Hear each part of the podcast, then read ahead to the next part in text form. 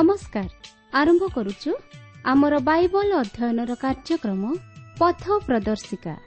ପବିତ୍ର ବାଇବଲ କହେ ଯଦି ଆମ୍ଭେମାନେ ଆପଣା ଆପଣା ପାପ ସ୍ୱୀକାର କରୁ ତେବେ ସେ ଆମ୍ଭମାନଙ୍କର ପାପ କ୍ଷମା କରିବାକୁ ଓ ସମସ୍ତ ଅଧର୍ମରୁ ଆମ୍ଭମାନଙ୍କୁ ପରିଷ୍କାର କରିବାକୁ ବିଶ୍ୱସ୍ତ ଓ ନ୍ୟାୟବାନ ଅଟନ୍ତି। ଆସନ୍ତୁ ସେହି ଉଦ୍ଧାରକର୍ତ୍ତାଙ୍କର ପରିଚୟ ପାଇବା ନିମନ୍ତେ ଶୁଣିବା ବେତାର କାର୍ଯ୍ୟକ୍ରମ ପଥ ପ୍ରଦର୍ଶିକା।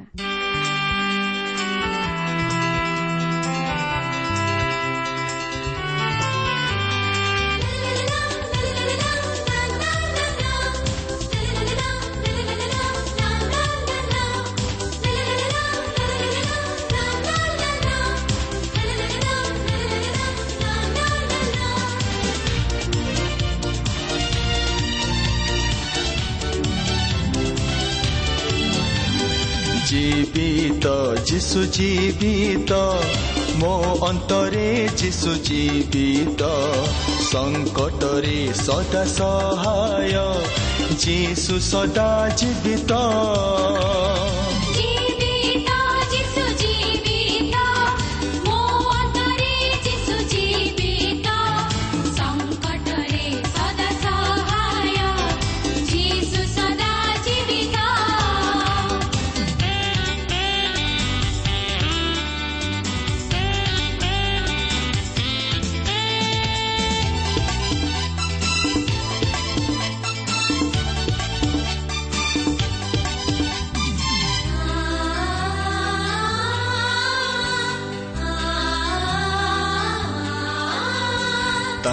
ତାଙ୍କ ଆଜ୍ଞାରେ ସାଗର ବିଭକ୍ତ ହେଲା ଚିରିହ ପ୍ରାଚୀର ଭଗ୍ନ ହେଲା ତାଙ୍କ ଆଜ୍ଞାରେ ଅନ୍ଧ ଦୃଷ୍ଟି ପାଇଲା ତାଙ୍କ ପରସରେ କୁଷ୍ଠି ସୂଚି ହୋଇଲା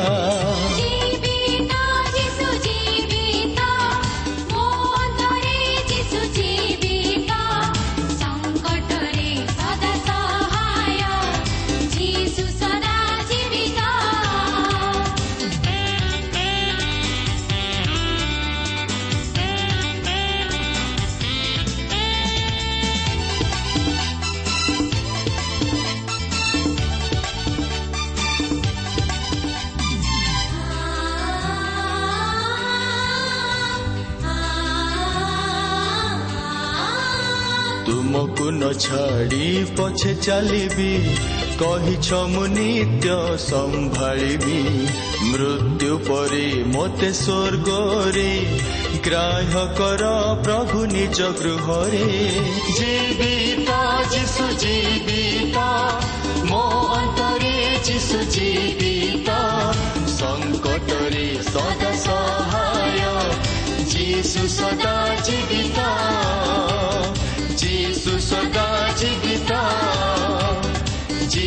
ଯିଶୁ ସଦା ଜୀବିତ ଯିଶୁ ସଦା ଜୀବିତ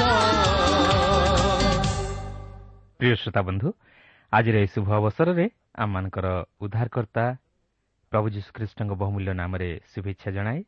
ଆଜିର ଏହି ପଥ ପ୍ରଦର୍ଶିକା କାର୍ଯ୍ୟକ୍ରମକୁ ଆପଣଙ୍କୁ ସ୍ୱାଗତ ଜଣାଏ। ଆପଣଙ୍କର ସହଯୋଗ ନିମନ୍ତେ ବିଶେଷ ଧନ୍ୟବାଦ। ଆପଣଙ୍କର ମତାମତ ନିମନ୍ତେ ମଧ୍ୟ ଆମେ ବିଶେଷ ଧନ୍ୟବାଦ ଜ୍ଞାପନ କରୁଅଛୁ। କେବଳ ସେତିକି ନୁହେଁ ଆପଣଙ୍କର ହୃଦୟସ୍ପର୍ଶୀ ସାକ୍ଷ୍ୟ ନିମନ୍ତେ ମଧ୍ୟ ଆମେ ବିଶେଷ ଖୁସି। ପ୍ରଭୁ ଆପଣଙ୍କୁ ଆଶୀର୍ବାଦ କରନ୍ତୁ ଆହୁରି ଆହୁରି ଆତ୍ମିକ ଜୀବନରେ ବର୍ଦ୍ଧିଷ୍ଣୁ କରାନ୍ତୁ। ଆସନ୍ତୁ ତାହେଲେ ପ୍ରଭୁଙ୍କର ବାକ୍ୟ ମଧ୍ୟ ଦେଇଯିବା ପୂର୍ବରୁ ପ୍ରାର୍ଥନାର ସହିତ ପ୍ରଭୁଙ୍କ ବାକ୍ୟର ନିକଟବର୍ତ୍ତୀ ହେବା। ଆସନ୍ତୁ ପ୍ରାର୍ଥନା କରିବା। ପବିତ୍ର ପ୍ରଭୁ ତୁମର ପବିତ୍ର ନାମର ଧନ୍ୟବାଦ କରୁଅଛି ସୁନ୍ଦର ସମୟ ପାଇଁ ସୁନ୍ଦର ସୁଯୋଗ ପାଇଁ ତୁମର ଜୀବନ୍ତ ବାକ୍ୟ ପାଇଁ। ପବିତ୍ର ପ୍ରଭୁ ଆମେ ଜାଣୁ ତୁମେ ଆମଙ୍କର ଜୀବିତ ଈଶ୍ୱର ପ୍ରତି ଗାଁରେ ବିଶ୍ୱସ୍ତ ପରମେଶ୍ୱର। ପ୍ରଭୁ ଆଜି ତୁମର ବାକ୍ୟ ମଧ୍ୟ ଦେଇ ତୁମେ ଆମମାନଙ୍କ ସହିତ କଥା କୁହ। ତୁମର ପବିତ୍ର ଉପସ୍ଥିତି ଆମମାନଙ୍କୁ ଉପଲବ୍ଧି କରିବା ପାଇଁ ଦିଅ। ତୁମର ଶାନ୍ତି ତୁମର ଆଶୀର୍ବାଦ ତୁମର ଅନୁଗ୍ରହରେ ପ୍ରତ୍ୟେକ ଶ୍ରୋତାବନ୍ଧୁମାନଙ୍କୁ ତୁମେ ପରିପୂର୍ଣ୍ଣ କର। ଏହି ସମସ୍ତ ପ୍ରାର୍ଥନା ପ୍ରିୟ ପ୍ରଭୁ ଯୀଶୁଙ୍କ ନାମରେ ମାଗୁଅଛୁ। ଆମେନ୍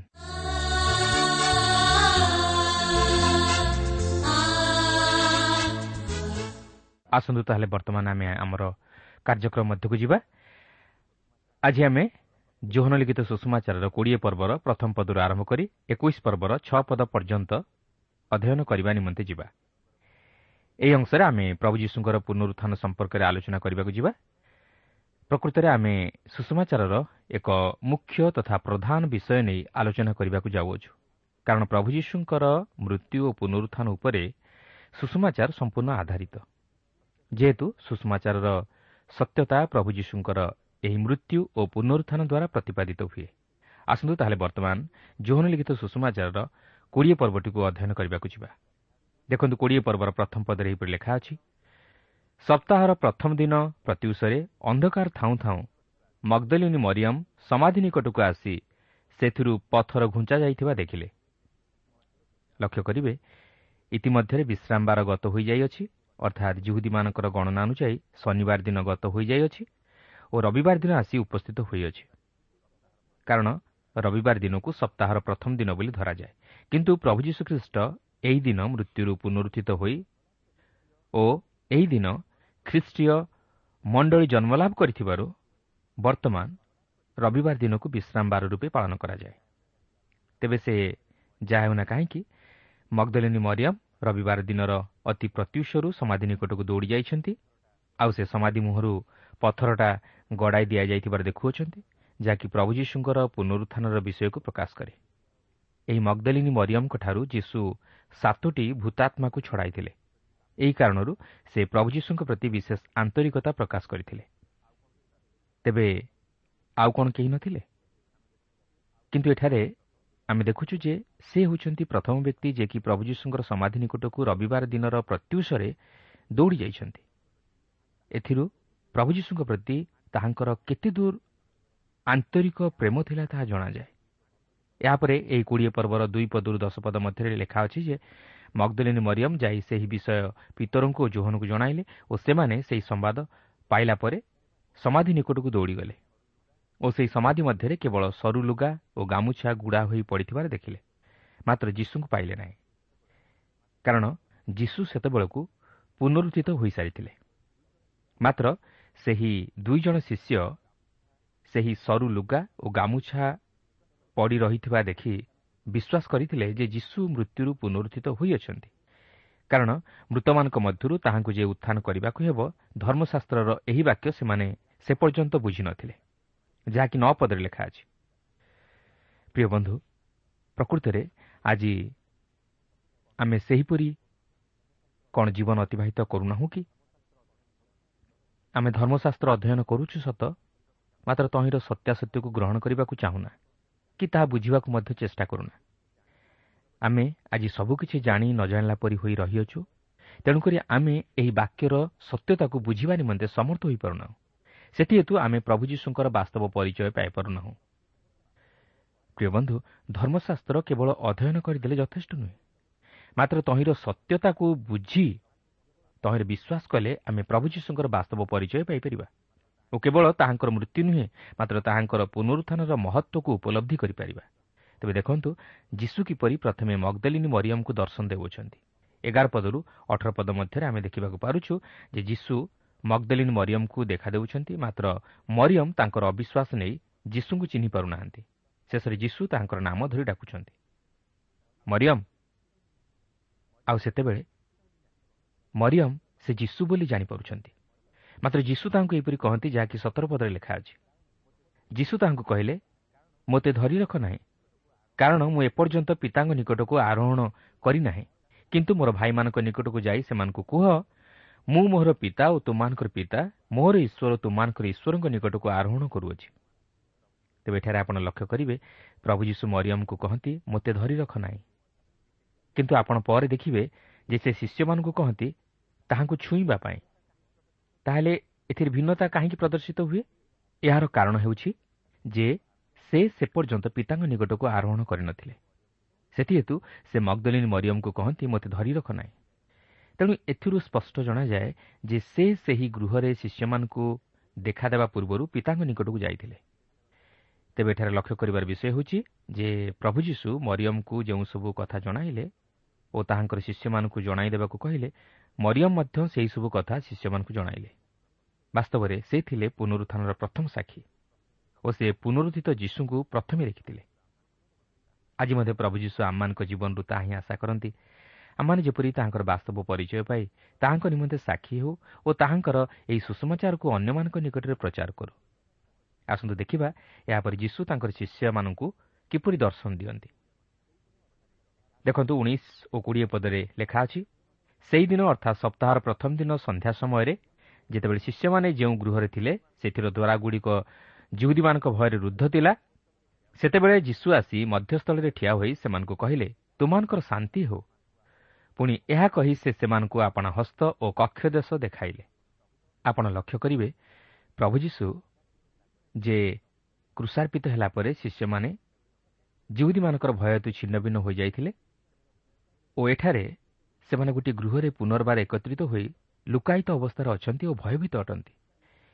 କିନ୍ତୁ ଏହିପରି ଏକ ସମୟରେ ଯୀଶୁ ସେମାନଙ୍କ ମଧ୍ୟକୁ ଆସି କହୁଛନ୍ତି ତୁମମାନଙ୍କର ଶାନ୍ତି ହେଉ ଚିନ୍ତା କରିପାରୁଛନ୍ତି? ସେମାନଙ୍କ ମନ ମଧ୍ୟରେ କି ପ୍ରକାର ପ୍ରତିକ୍ରିୟା ସୃଷ୍ଟି ହୋଇଥିବ? ଦ୍ୱାର ରୁଦ୍ଧ ହୋଇଅଛି ତଥାପି ଯୀଶୁ ସେମାନଙ୍କ ମଧ୍ୟକୁ ପ୍ରବେଶ କରିଅଛନ୍ତି। ଏହା ବାସ୍ତବରେ ତାଙ୍କର ମହିମାନିତ୍ୱ ଶରୀରର ପରିଚୟ ଦିଏ। ତେବେ ଏଠାରେ ସେ ଯେଉଁ କହୁଛନ୍ତି ତୁମମାନଙ୍କର ଶାନ୍ତି ହେଉ ବୋଲି ସେହି ଶାନ୍ତି କ'ଣ? ସେହି ଶାନ୍ତି ହେଉଛି ଉଦ୍ଧାର ପାଇବାର ଶାନ୍ତି। ସେହି ଶାନ୍ତି କେବଳ ବିଶ୍ୱାସ କରିବା ଦ୍ୱାରା ପ୍ରଭୁ ଯୀଶୁଙ୍କ ମାଧ୍ୟମରେ ମନୁଷ୍ୟ ପାଇଥାଏ। ଯେଉଁ ଶାନ୍ତି ଈଶ୍ୱରଙ୍କ ସହିତ ଶାନ୍ତି। ବାସ୍ତବରେ ପ୍ରଭୁ ଯୀଶୁ ଯେତେବେଳେ ଆମର ହୃଦୟକୁ ଆସନ୍ତି ସେତେବେଳେ ଆମର ହୃଦୟ ଓ ମନରେ ଶାନ୍ତି ଭରିଯାଏ। ଯେତେବେଳେ ସେ ଆମ ପରିବାର ତଥା ଗୃହ ମଧ୍ୟକୁ ଆସନ୍ତି ସେତେବେଳେ ଆମର ଗୃହ ବା ପରିବାର ଶାନ୍ତିରେ ଭରିଯାଏ। କାରଣ ସେ ହେଉଛନ୍ତି ଶାନ୍ତିଦାତା ଈଶ୍ୱର ଓ ସେ ନିଜର ଶାନ୍ତି ଆମକୁ ଦାନ କରନ୍ତି। କିନ୍ତୁ ଏଠାରେ ଆଉ ଏକ ବିଷୟ ଆପଣ ଲକ୍ଷ୍ୟ କରିବେ ଯେ ଯଦିଓ ପ୍ରଭୁ ଯୀଶୁଙ୍କର ଗୌରବମୟ ଶରୀର ଥିଲା ମାତ୍ର ସେହି ଶରୀରରେ ତାହାଙ୍କର କ୍ଷତ ଚିହ୍ନ ଥିଲା। କାରଣ ସେହି ସମସ୍ତ ଚିହ୍ନ ସେ ଆମମାନଙ୍କ ନିମନ୍ତେ ବହନ କରିଥିଲେ ଯେପରି ଆମେ ତାହାଙ୍କ ନିକଟରେ ନିଷ୍କଳଙ୍କ ଓ ନିର୍ଦ୍ଦାଗ ହୋଇ ଉପସ୍ଥିତ ହୋଇପାରୁ। କାରଣ ସେ ଆମମାନଙ୍କର ପାପ ନିମନ୍ତେ ଯେ ସେହି କୃଷର କଷଣକୁ ସହିଥିଲେ ସେଥି ନିମନ୍ତେ ତାହା ଅନନ୍ତକାଳ ପର୍ଯ୍ୟନ୍ତ ଚିହ୍ନ ସ୍ୱରୂପେ ସେ ତାହା ବହନ କରିବେ। ଏହାପରେ ଏକୋଇଶରୁ ତେଇଶ ପଦରେ ଏହିପରି ଲେଖା ଅଛି ଯୀଶୁ ସେମାନଙ୍କୁ ପୁନର୍ବାର କହିଲେ ତୁମମାନଙ୍କର ଶାନ୍ତି ହେଉ। ପିତା ଯେ ପ୍ରକାରେ ମୋତେ ପ୍ରେରଣ କରିଅଛନ୍ତି ମୁଁ ମଧ୍ୟ ସେ ପ୍ରକାରେ ତୁମମାନଙ୍କୁ ପ୍ରେରଣ କରୁଅଛି। ସେ ଏହା କହି ସେମାନଙ୍କ ଉପରେ ପ୍ରଶ୍ୱାସ ଛାଡ଼ି ସେମାନଙ୍କୁ କହିଲେ ପବିତ୍ର ଆତ୍ମାକୁ ଗ୍ରହଣ କର। ତୁମେମାନେ ଯଦି କାହାରି ପାପ କ୍ଷମା କରିବ ତାହାର ପାପ କ୍ଷମା ହେବ। ପୁଣି ଯଦି କାହାରି ପାପ କ୍ଷମା ନ କରିବ ତାହାର ପାପ କ୍ଷମା ହେବ ନାହିଁ। ଏହି ଅଂଶରେ ଲକ୍ଷ୍ୟ କରିବେ ଯୀଶୁ ପୁନର୍ବାର କହନ୍ତି ତୁମମାନଙ୍କର ଶାନ୍ତି ହେଉ। ତେବେ ଏହି ଶାନ୍ତି କ'ଣ? ଏହି ଶାନ୍ତି ଏକ ଅନ୍ୟ ପ୍ରକାର ଶାନ୍ତି ଯାହାକି ଯେଉଁମାନେ ଈଶ୍ୱରଙ୍କ ସହିତ ସହଭାଗିତା ସ୍ଥାପନ କରନ୍ତି ଓ ତାହାଙ୍କର ଇଚ୍ଛା ଅନୁଯାୟୀ କାର୍ଯ୍ୟ କରନ୍ତି ସେମାନେ ଏହି ଶାନ୍ତି ପ୍ରାପ୍ତ ହୁଅନ୍ତି ସେମାନେ ବର୍ତ୍ତମାନ ସେହି ଉଦ୍ଧାରକୁ ପ୍ରାପ୍ତ ହୋଇପାରିଛନ୍ତି ଓ ସେମାନେ ପ୍ରଭୁ ଯୀଶୁଙ୍କ ଦ୍ୱାରା ଜଗତକୁ ପ୍ରେରିତ ହେଉଅଛନ୍ତି ଏଠାରେ ଆଉ ଏକ ବିଷୟ ଆପଣ ଲକ୍ଷ୍ୟ କରିବେ ସେ ସେମାନଙ୍କ ଉପରେ ପ୍ରଶ୍ୱାସ ଛାଡ଼ି ସେମାନଙ୍କୁ କହୁଅଛନ୍ତି ପବିତ୍ର ଆତ୍ମାକୁ ଗ୍ରହଣ କର। ତେବେ ଏହା କ'ଣ? ଏହା ହେଉଛି ସେମାନେ ସେହି ନୂତନ ଜୀବନ ପାଇବା ନିମନ୍ତେ ପବିତ୍ର ଆତ୍ମାକୁ ଗ୍ରହଣ କଲେ। କାରଣ ଏଥିପୂର୍ବରୁ ସେମାନେ ପବିତ୍ର ଆତ୍ମାକୁ ଗ୍ରହଣ କରିନଥିଲେ। କିନ୍ତୁ ଏଠାରେ ପ୍ରଭୁ ଯୀଶୁ ସେମାନଙ୍କୁ ସେହି ପବିତ୍ର ଆତ୍ମାଙ୍କ ଦ୍ୱାରା ଅନନ୍ତ ଜୀବନ ପ୍ରଦାନ କରୁଅଛନ୍ତି ଯାହାକି ପ୍ରଭୁ ଯୀଶୁଙ୍କର ସ୍ୱର୍ଗାରୋହଣ ଠାରୁ ପେଣ୍ଟିକଷ୍ଟ ଦିନ ପର୍ଯ୍ୟନ୍ତ ସେମାନଙ୍କୁ ସୁରକ୍ଷା କରି ରଖିବ।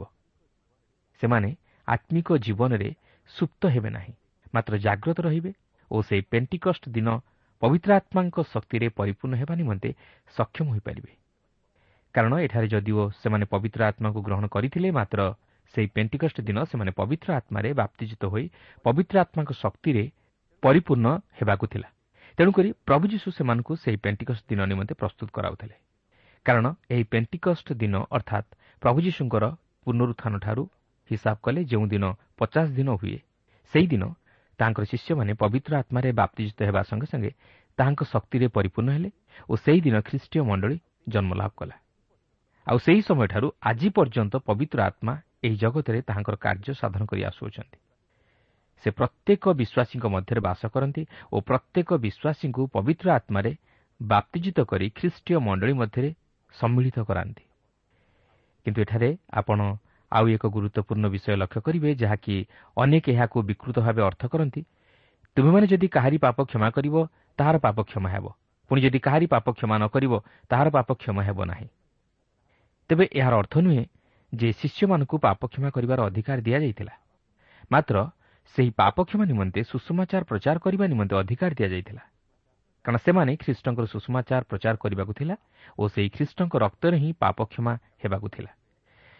କାରଣ ଆପଣ ପ୍ରେରିତ ପୁସ୍ତକଠାରୁ ଯଦି ଏହିପରି ଅନ୍ୟାନ୍ୟ ପୁସ୍ତକଗୁଡ଼ିକ ଦେଖିବେ ତାହେଲେ ଏପରି କୌଣସି ପୁସ୍ତକରେ ଦେଖିବାକୁ ପାଇବେ ନାହିଁ ଯେ ଶିଷ୍ୟମାନେ କାହାର ପାପ କ୍ଷମା କରିଥିଲେ ବୋଲି। ମାତ୍ର ସେମାନେ ପାପ କ୍ଷମା ନିମନ୍ତେ ସୁଷମାଚାର ପ୍ରଚାର କରି ଅନେକଙ୍କୁ ଖ୍ରୀଷ୍ଟଙ୍କର ନିକଟବର୍ତ୍ତୀ କରାଇଲେ ଓ ସେମାନେ ପ୍ରଭୁ ଯୀଶୁଖ୍ରୀଷ୍ଟଙ୍କଠାରେ ବିଶ୍ୱାସ କରି ତାହାଙ୍କ ନିକଟରେ ନିଜର ପାପ ସବୁ ସ୍ୱୀକାର କରିବା ଦ୍ୱାରା ପାପରୁ ଉଦ୍ଧାର ପାଇ ଖ୍ରୀଷ୍ଟୀୟ ସହଭାଗିତାର ଅଂଶୀ ହେଲେ। ତେଣୁ ପ୍ରଭୁ ଯୀଶୁ ସେମାନଙ୍କୁ ପାପ କ୍ଷମା କରିବା ନିମନ୍ତେ ଅଧିକାର ଦେଇନଥିଲେ ମାତ୍ର ସେହି ପାପ କ୍ଷମାର ସୁଷମାଚାର ପ୍ରଚାର କରିବା ନିମନ୍ତେ ଅଧିକାର ଦେଇଥିଲେ। କାରଣ ପ୍ରଭୁ ଯୀଶୁଙ୍କର ସେହି ପବିତ୍ର ରକ୍ତ ବିନା ଆଉ କାହିଁରେ ପାପ କ୍ଷମା ହୁଏ ନାହିଁ? ଆଉ ସେହି ଖ୍ରୀଷ୍ଟଙ୍କର କେବଳ ପାପ କ୍ଷମା କରିବାର ଅଧିକାର ଅଛି ଓ ସେ ହିଁ କେବଳ ପାପ କ୍ଷମା କରିପାରନ୍ତି। ହୋଇପାରେ ପ୍ରଭୁ ଯୀଶୁ ସେମାନଙ୍କୁ ପାପ କ୍ଷମା କରିବାର ଅଧିକାର ଦେଇଥାଇପାରନ୍ତି ମାତ୍ର ତାହା ଖ୍ରୀଷ୍ଟଙ୍କ ସୁଷମାଚାର ଦ୍ୱାରା। ହଁ ଆଜି ମଧ୍ୟ ଆମେ ଜଣକୁ ପାପରୁ ଉଦ୍ଧାର କରିପାରୁ ମାତ୍ର ତାହା ଈଶ୍ୱରଙ୍କ ଅନୁଗ୍ରହର ସୁଷମାଚାର ଦ୍ୱାରା ଅର୍ଥାତ୍ ଖ୍ରୀଷ୍ଟଙ୍କ ସୁଷମାଚାର ଦ୍ୱାରା। କାରଣ ଯେତେବେଳେ ଜଣେ ପାପି ଏହି ବାକ୍ୟ ଶୁଣିବା ଦ୍ୱାରା ଖ୍ରୀଷ୍ଟଙ୍କଠାରେ ବିଶ୍ୱାସ କରି ତାହାଙ୍କ ନିକଟରେ ନିଜର ପାପକୁ ସ୍ୱୀକାର କରେ ସେତେବେଳେ ସେ ପାପରୁ ଉଦ୍ଧାର ପାଏ। କିନ୍ତୁ ଏହାର ଅର୍ଥ ନୁହେଁ ଯେ ଆମେ ତାହାର ପାପ କ୍ଷମା କରିଦେଲୁ। ମାତ୍ର ପ୍ରଭୁ ଯୀଶୁ ଖ୍ରୀଷ୍ଟଙ୍କଠାରେ ବିଶ୍ୱାସ କରିବାରୁ ସେ ପାପରୁ ଉଦ୍ଧାର ପାଇଲା।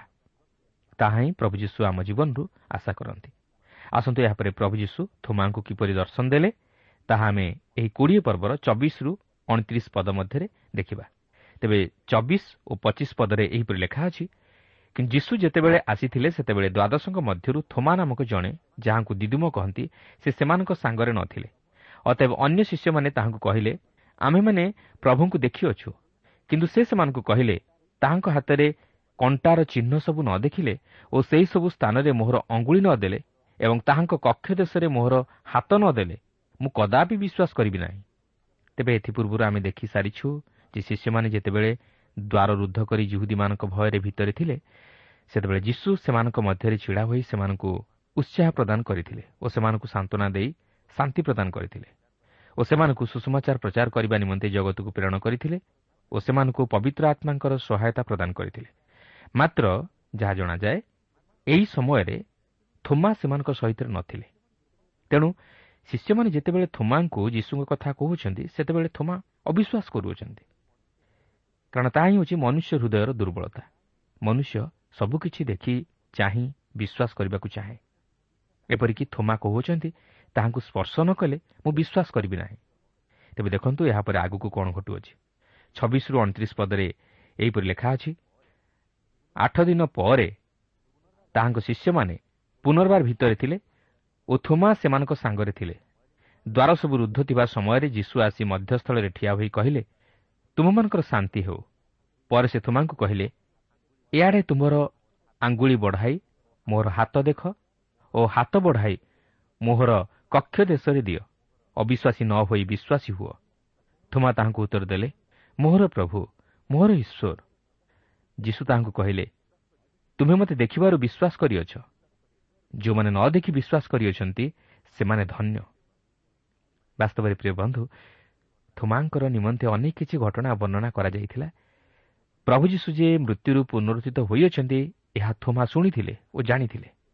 ମାତ୍ର ତାହାଙ୍କର ଅବିଶ୍ୱାସ ହେତୁ ସେ ପ୍ରଭୁ ଯୀଶୁଙ୍କର ପୁନରୁତ୍ଥାନର ସତ୍ୟତାକୁ ବୁଝିପାରିନଥିଲେ କିନ୍ତୁ ଏଠାରେ ଯେତେବେଳେ ପ୍ରଭୁ ଯୀଶୁ ତାହାଙ୍କୁ କହୁଛନ୍ତି ଥୋମା ମୋତେ ସ୍ପର୍ଶ କରି ଦେଖ ସେତେବେଳେ ଥୋମା ଆଉ ସ୍ପର୍ଶ କରୁନାହାନ୍ତି ମାତ୍ର ସେ ବିଶ୍ୱାସ କରୁଅଛନ୍ତି ଓ ସେ ସ୍ୱୀକାର କରୁଅଛନ୍ତି ମୋହର ପ୍ରଭୁ ମୋହର ଈଶ୍ୱର। ଏହା ଏକ ମହାନ ସ୍ୱୀକାରୋକ୍ତି ଥିଲା। କିନ୍ତୁ ଥୁମା ଯଦି ତାହାଙ୍କୁ ଏଥିପୂର୍ବରୁ ଏହିପରି ସ୍ୱୀକାର କରିଥାନ୍ତେ ଓ ବିଶ୍ୱାସ କରିଥାନ୍ତେ ତାହେଲେ ଏହା ଆହୁରି ଅଧିକ ଗୌରବର ବିଷୟ ହୋଇଥାନ୍ତା। ତେଣୁକରି ପ୍ରଭୁ ଯୀଶୁ କହନ୍ତି ଥୋମା ତୁମେ ସିନା ମୋତେ ଦେଖିବାରୁ ବିଶ୍ୱାସ କରୁଅଛ କିନ୍ତୁ ଯେଉଁମାନେ ନ ଦେଖି ବିଶ୍ୱାସ କରିଅଛନ୍ତି ସେମାନେ ଧନ୍ୟ। ବାସ୍ତବରେ ପ୍ରଭୁ ଯୀଶୁ ଆମମାନଙ୍କଠାରୁ ଥୋମାଙ୍କ ପରି ବିଶ୍ୱାସ ଚାହାନ୍ତି ନାହିଁ। ମାତ୍ର ସେ ଚାହାନ୍ତି ଆମେ ଯେପରି ତାହାଙ୍କର ମୃତ୍ୟୁ ଓ ପୁନରୁତ୍ଥାନରେ ବିଶ୍ୱାସ କରି ତହିଁର ସତ୍ୟତାକୁ ବୁଝିବାକୁ ଚେଷ୍ଟା କରୁ ଓ ପ୍ରଭୁ ଯୀଶୁ ଖ୍ରୀଷ୍ଟଙ୍କଠାରେ ବିଶ୍ୱାସ କରି ଓ ତାହାଙ୍କୁ ଉଦ୍ଧାରକର୍ତ୍ତା ରୂପେ ଗ୍ରହଣ କରି ସେହି ଅନନ୍ତ ଜୀବନର ଅଧିକାରୀ ହେଉ। ଆଉ ତାହା ହିଁ ହେଉଛି ଏହି ସୁଷମାଚାର ଲେଖିବା ପଛରେ ଜୋହନଙ୍କର ଉଦ୍ଦେଶ୍ୟ। ତେଣୁକରି ତିରିଶ ଓ ଏକତିରିଶ ପଦରେ ଲେଖା ଅଛି ଯୀଶୁ ଶିଷ୍ୟମାନଙ୍କ ସାକ୍ଷାତରେ ଏହିପରି ଅନେକ ଓ ବିଭିନ୍ନ ପ୍ରକାର ଆଶ୍ଚର୍ଯ୍ୟକର୍ମ ସାଧନ କଲେ ସେହିସବୁ ଏହି ପୁସ୍ତକରେ ଲେଖା ହୋଇନାହିଁ କିନ୍ତୁ ତୁମେମାନେ ଯେପରି ବିଶ୍ୱାସ କର ଯେ ଯୀଶୁ ଈଶ୍ୱରଙ୍କ ପୁତ୍ର ଖ୍ରୀଷ୍ଟ ଅଟନ୍ତି ପୁଣି ବିଶ୍ୱାସ କରି ଯେପରି ତୁମେମାନେ ତାହାଙ୍କ ନାମରେ ଜୀବନ ପ୍ରାପ୍ତ ହୁଅ ଏଥିନିମନ୍ତେ ଏ ସମସ୍ତ ଲେଖାଯାଇଅଛି ପ୍ରକୃତରେ ଏହା ହିଁ ଥିଲା ଜୋହନଙ୍କର ଉଦ୍ଦେଶ୍ୟ। ବାସ୍ତବରେ ପ୍ରଭୁ ଯୀଶୁଖ୍ରୀଷ୍ଟଙ୍କର ମୃତ୍ୟୁ ଓ ପୁନରୁତ୍ଥାନରେ ଆମେ ଯଦି ବିଶ୍ୱାସ କରୁ ତାହେଲେ ଆମେ ସେହି ଶାନ୍ତିର ଅଧିକାରୀ ହୋଇପାରିବା। ଆମେ ତାହାଙ୍କ ସହିତ ସହଭାଗିତା ସ୍ଥାପନ କରିପାରିବା ଆମେ ସେହି ପବିତ୍ର ଆତ୍ମାଙ୍କର ସହାୟତା ଓ ଶକ୍ତିକୁ ଉପଲବ୍ଧି କରିପାରିବା। ପ୍ରଭୁ ଯୀଶୁ ଆମମାନଙ୍କ ସହିତ କଥା କହିବେ ଓ ସେ ଆମମାନଙ୍କୁ ସମସ୍ତ ବିଷୟରେ ସାହାଯ୍ୟ କରିବେ। କିନ୍ତୁ ଆମର ସେହିପରି ତାହାଙ୍କଠାରେ ଦୃଢ଼ ବିଶ୍ୱାସ ରହିବା ଆବଶ୍ୟକ। ଆଜି ଆମମାନେ ପ୍ରଭୁ ଯୀଶୁଙ୍କର ମୃତ୍ୟୁ ଓ ପୁନରୁତ୍ଥାନକୁ ଦେଖିପାରିବା ନାହିଁ। ମାତ୍ର ଆମେ ଯଦି ତାହାଙ୍କର ସୁଷମାଚାରରେ ବିଶ୍ୱାସ କରି ପ୍ରଭୁ ଯୀଶୁଙ୍କୁ ଗ୍ରହଣ କରୁ ତାହେଲେ ଆମେ ତାହାଙ୍କର ମୃତ୍ୟୁ ଓ ପୁନରୁତ୍ଥାନର ଶକ୍ତି ଓ ବାସ୍ତବତାକୁ ଉପଲବ୍ଧି କରିପାରିବା। ଯଦ୍ୱାରା ଆମେ ଶୟତାନକୁ ଭୟ ନ କରି ଶୟତାନର ଶକ୍ତି ଉପରେ ଜୟଯୁକ୍ତ ଜୀବନଯାପନ କରିବା ନିମନ୍ତେ ସମର୍ଥ ହୋଇପାରିବା। କାରଣ ପ୍ରଭୁ ଯୀଶୁଙ୍କର ମୃତ୍ୟୁ ଓ ପୁନରୁତ୍ଥାନ ଉପରେ ଏହି ସୁଷମାଚାରର ସତ୍ୟତା ପ୍ରତିପାଦିତ ହୁଏ। ଯଦି ଆମେ ପ୍ରଭୁ ଯୀଶୁଙ୍କର ମୃତ୍ୟୁ ଓ ପୁନରୁତ୍ଥାନ ଉପରେ ବିଶ୍ୱାସ ନ କରୁ ତାହେଲେ ଏହି ସୁଷମାଚାର ଶୁଣିବା ବା ଅଧ୍ୟୟନ କରିବା ଆମମାନଙ୍କ ପକ୍ଷରେ ବୃଥା।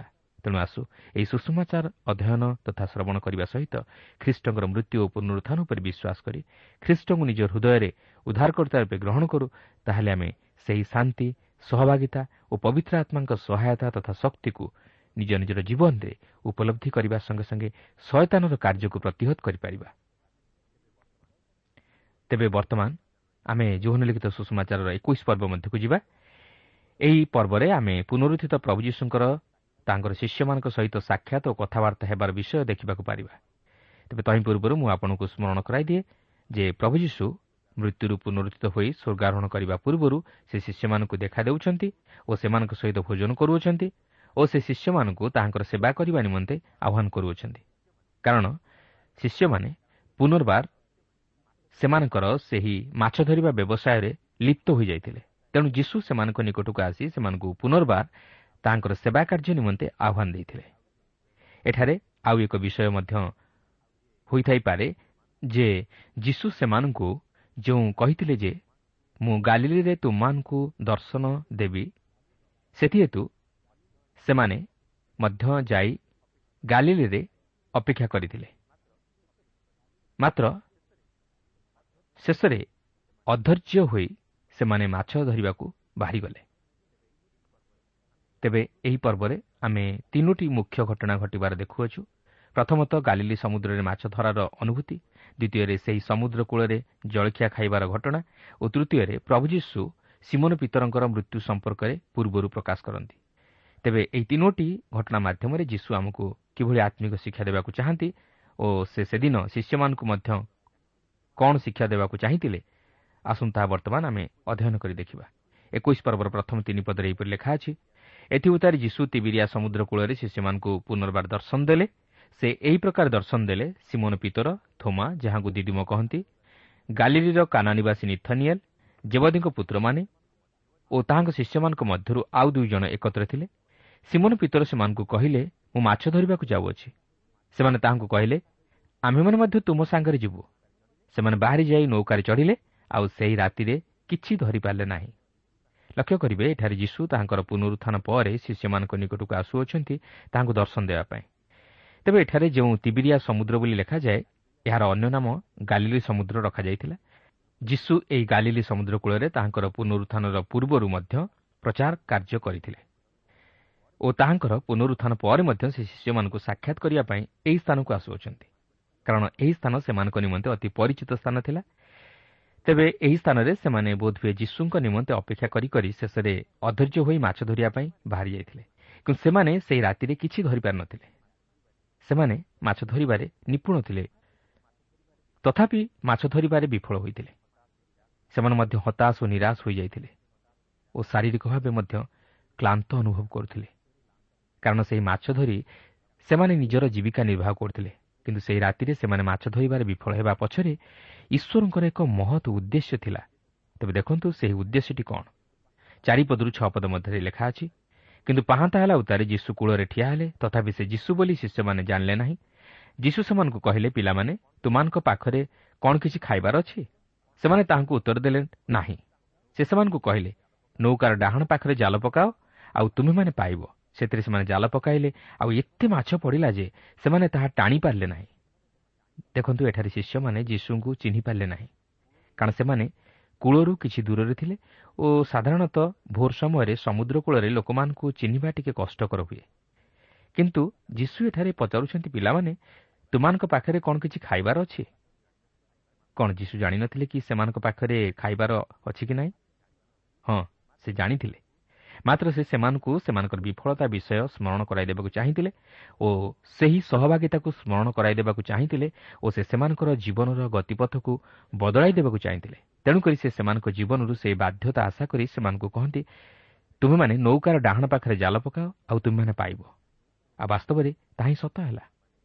ଯେତେବେଳେ ସେମାନେ ତାହାଙ୍କ ଆଦେଶ ଅନୁଯାୟୀ କାର୍ଯ୍ୟ କଲେ ସେତେବେଳେ ସେମାନେ ସେହି କ୍ଷେପରେ ଏତେ ମାଛ ଧରିଲେ ଯେ ସେମାନେ ସେହି ଜାଲକୁ ଟାଣିପାରିଲେ ନାହିଁ। କିନ୍ତୁ ଆପଣ ଦେଖିବେ ଯୀଶୁଙ୍କର ମୃତ୍ୟୁ ଓ ପୁନରୁତ୍ଥାନ ପୂର୍ବରୁ ଯୀଶୁ ଏହିପରି ଏକ ମାଛ ଧରିବା ଘଟଣାରେ ସେ ସେମାନଙ୍କୁ ଜାଲ ପକାଇବା ନିମନ୍ତେ କହିଥିଲେ ଓ ସେମାନେ ସେହି କ୍ଷେପରେ ଏତେ ମାଛ ଧରିଲେ ଯେ ସେମାନଙ୍କର ଜାଲ ଛିଣ୍ଡିବାକୁ ଲାଗିଲା।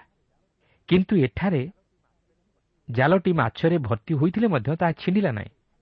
ତାହେଲେ ଏଥିରେ ତଫାତ୍ ଆମେ କ'ଣ ଦେଖୁଛୁ? ତେବେ ଏହି ଜାଲ ହେଉଛି ସୁଷମାଚାରର ପ୍ରତୀକ।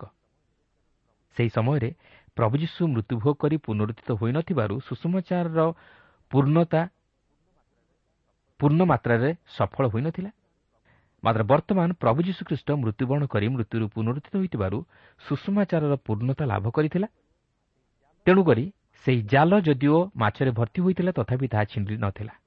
କାରଣ ସୁଷମାଚାରର ସତ୍ୟତା ପୂର୍ଣ୍ଣ ରୂପେ ସଫଳ ହୋଇଥିଲା ଓ ଏହା ଶକ୍ତିଯୁକ୍ତ ହୋଇଥିଲା। ତେବେ ପ୍ରଭୁ ଯୀଶୁ ଏହି ସମସ୍ତ ଅନୁଭୂତି ମଧ୍ୟ ଦେଇ ଶିଷ୍ୟମାନଙ୍କୁ କଢ଼ାଇ ନେବା ପଛରେ ସେ ଚାହିଁଥିଲେ ଯେପରି ତାହାଙ୍କର ମହତ ଇଚ୍ଛା ଶିଷ୍ୟମାନଙ୍କ ଦ୍ୱାରା ସଫଳ ହେଉ ଓ ସେମାନେ ଯେପରି ତାହାଙ୍କର ବାଧ୍ୟ ହୋଇ ତାହାଙ୍କ ନିମନ୍ତେ ସାକ୍ଷୀ ହୁଅନ୍ତୁ। ଏହା ହିଁ ହେଉଛି ଈଶ୍ୱରଙ୍କର ଆଶ୍ଚର୍ଯ୍ୟ ଶକ୍ତିର କାର୍ଯ୍ୟ। ଯାହା ଆମମାନଙ୍କ ଦୃଷ୍ଟିରେ ଅସମ୍ଭବ ତାହା ଈଶ୍ୱରଙ୍କ ଦୃଷ୍ଟିରେ ସମ୍ଭବ ଓ ଯାହା ଆମମାନଙ୍କ ନିମନ୍ତେ ଅସାଧ୍ୟ ତାହା ଈଶ୍ୱରଙ୍କ ଦୃଷ୍ଟିରେ ସାଧ୍ୟ। ପ୍ରଭୁ ଯୀଶୁ ଆମମାନଙ୍କର ଆବଶ୍ୟକତାକୁ ଜାଣନ୍ତି। ମାତ୍ର ସେ ଚାହାନ୍ତି ଆମେ ଯେପରି ତାହାଙ୍କର ଇଚ୍ଛା ଅନୁଯାୟୀ ଜୀବନଯାପନ କରୁ ଓ ତାହାଙ୍କର ବାଧ୍ୟ ହେଉ ତାହେଲେ ସେ ଆମମାନଙ୍କର ସମସ୍ତ ଭାର ବହନ କରିବେ ଓ ଆମମାନଙ୍କର ସମସ୍ତ ଅଭାବ ପୂର୍ଣ୍ଣ କରିବେ। ପ୍ରଭା ପ୍ରତ୍ୟେକଙ୍କୁ ଏହି ସଂକ୍ଷିପ୍ତ ଆଲୋଚନା ମଧ୍ୟ ଦେଇ ଆଶୀର୍ବାଦ କରନ୍ତୁ।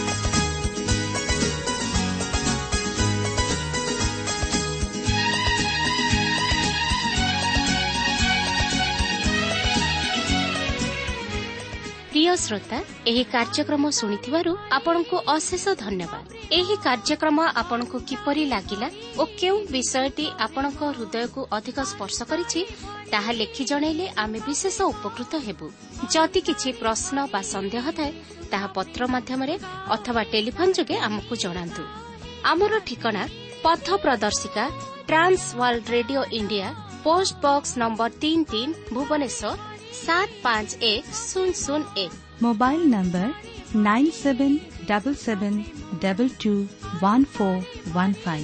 ঠিকଣାটি আউথরে শুণন্তু পথ প্রদর্শিকা Trans World Radio India post box number three three Bhubaneswar seven five one zero zero one.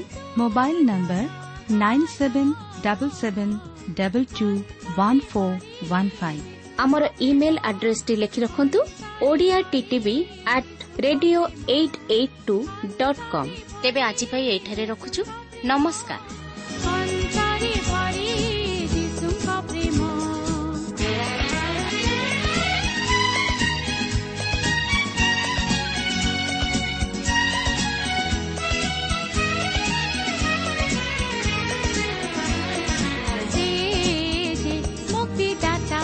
be my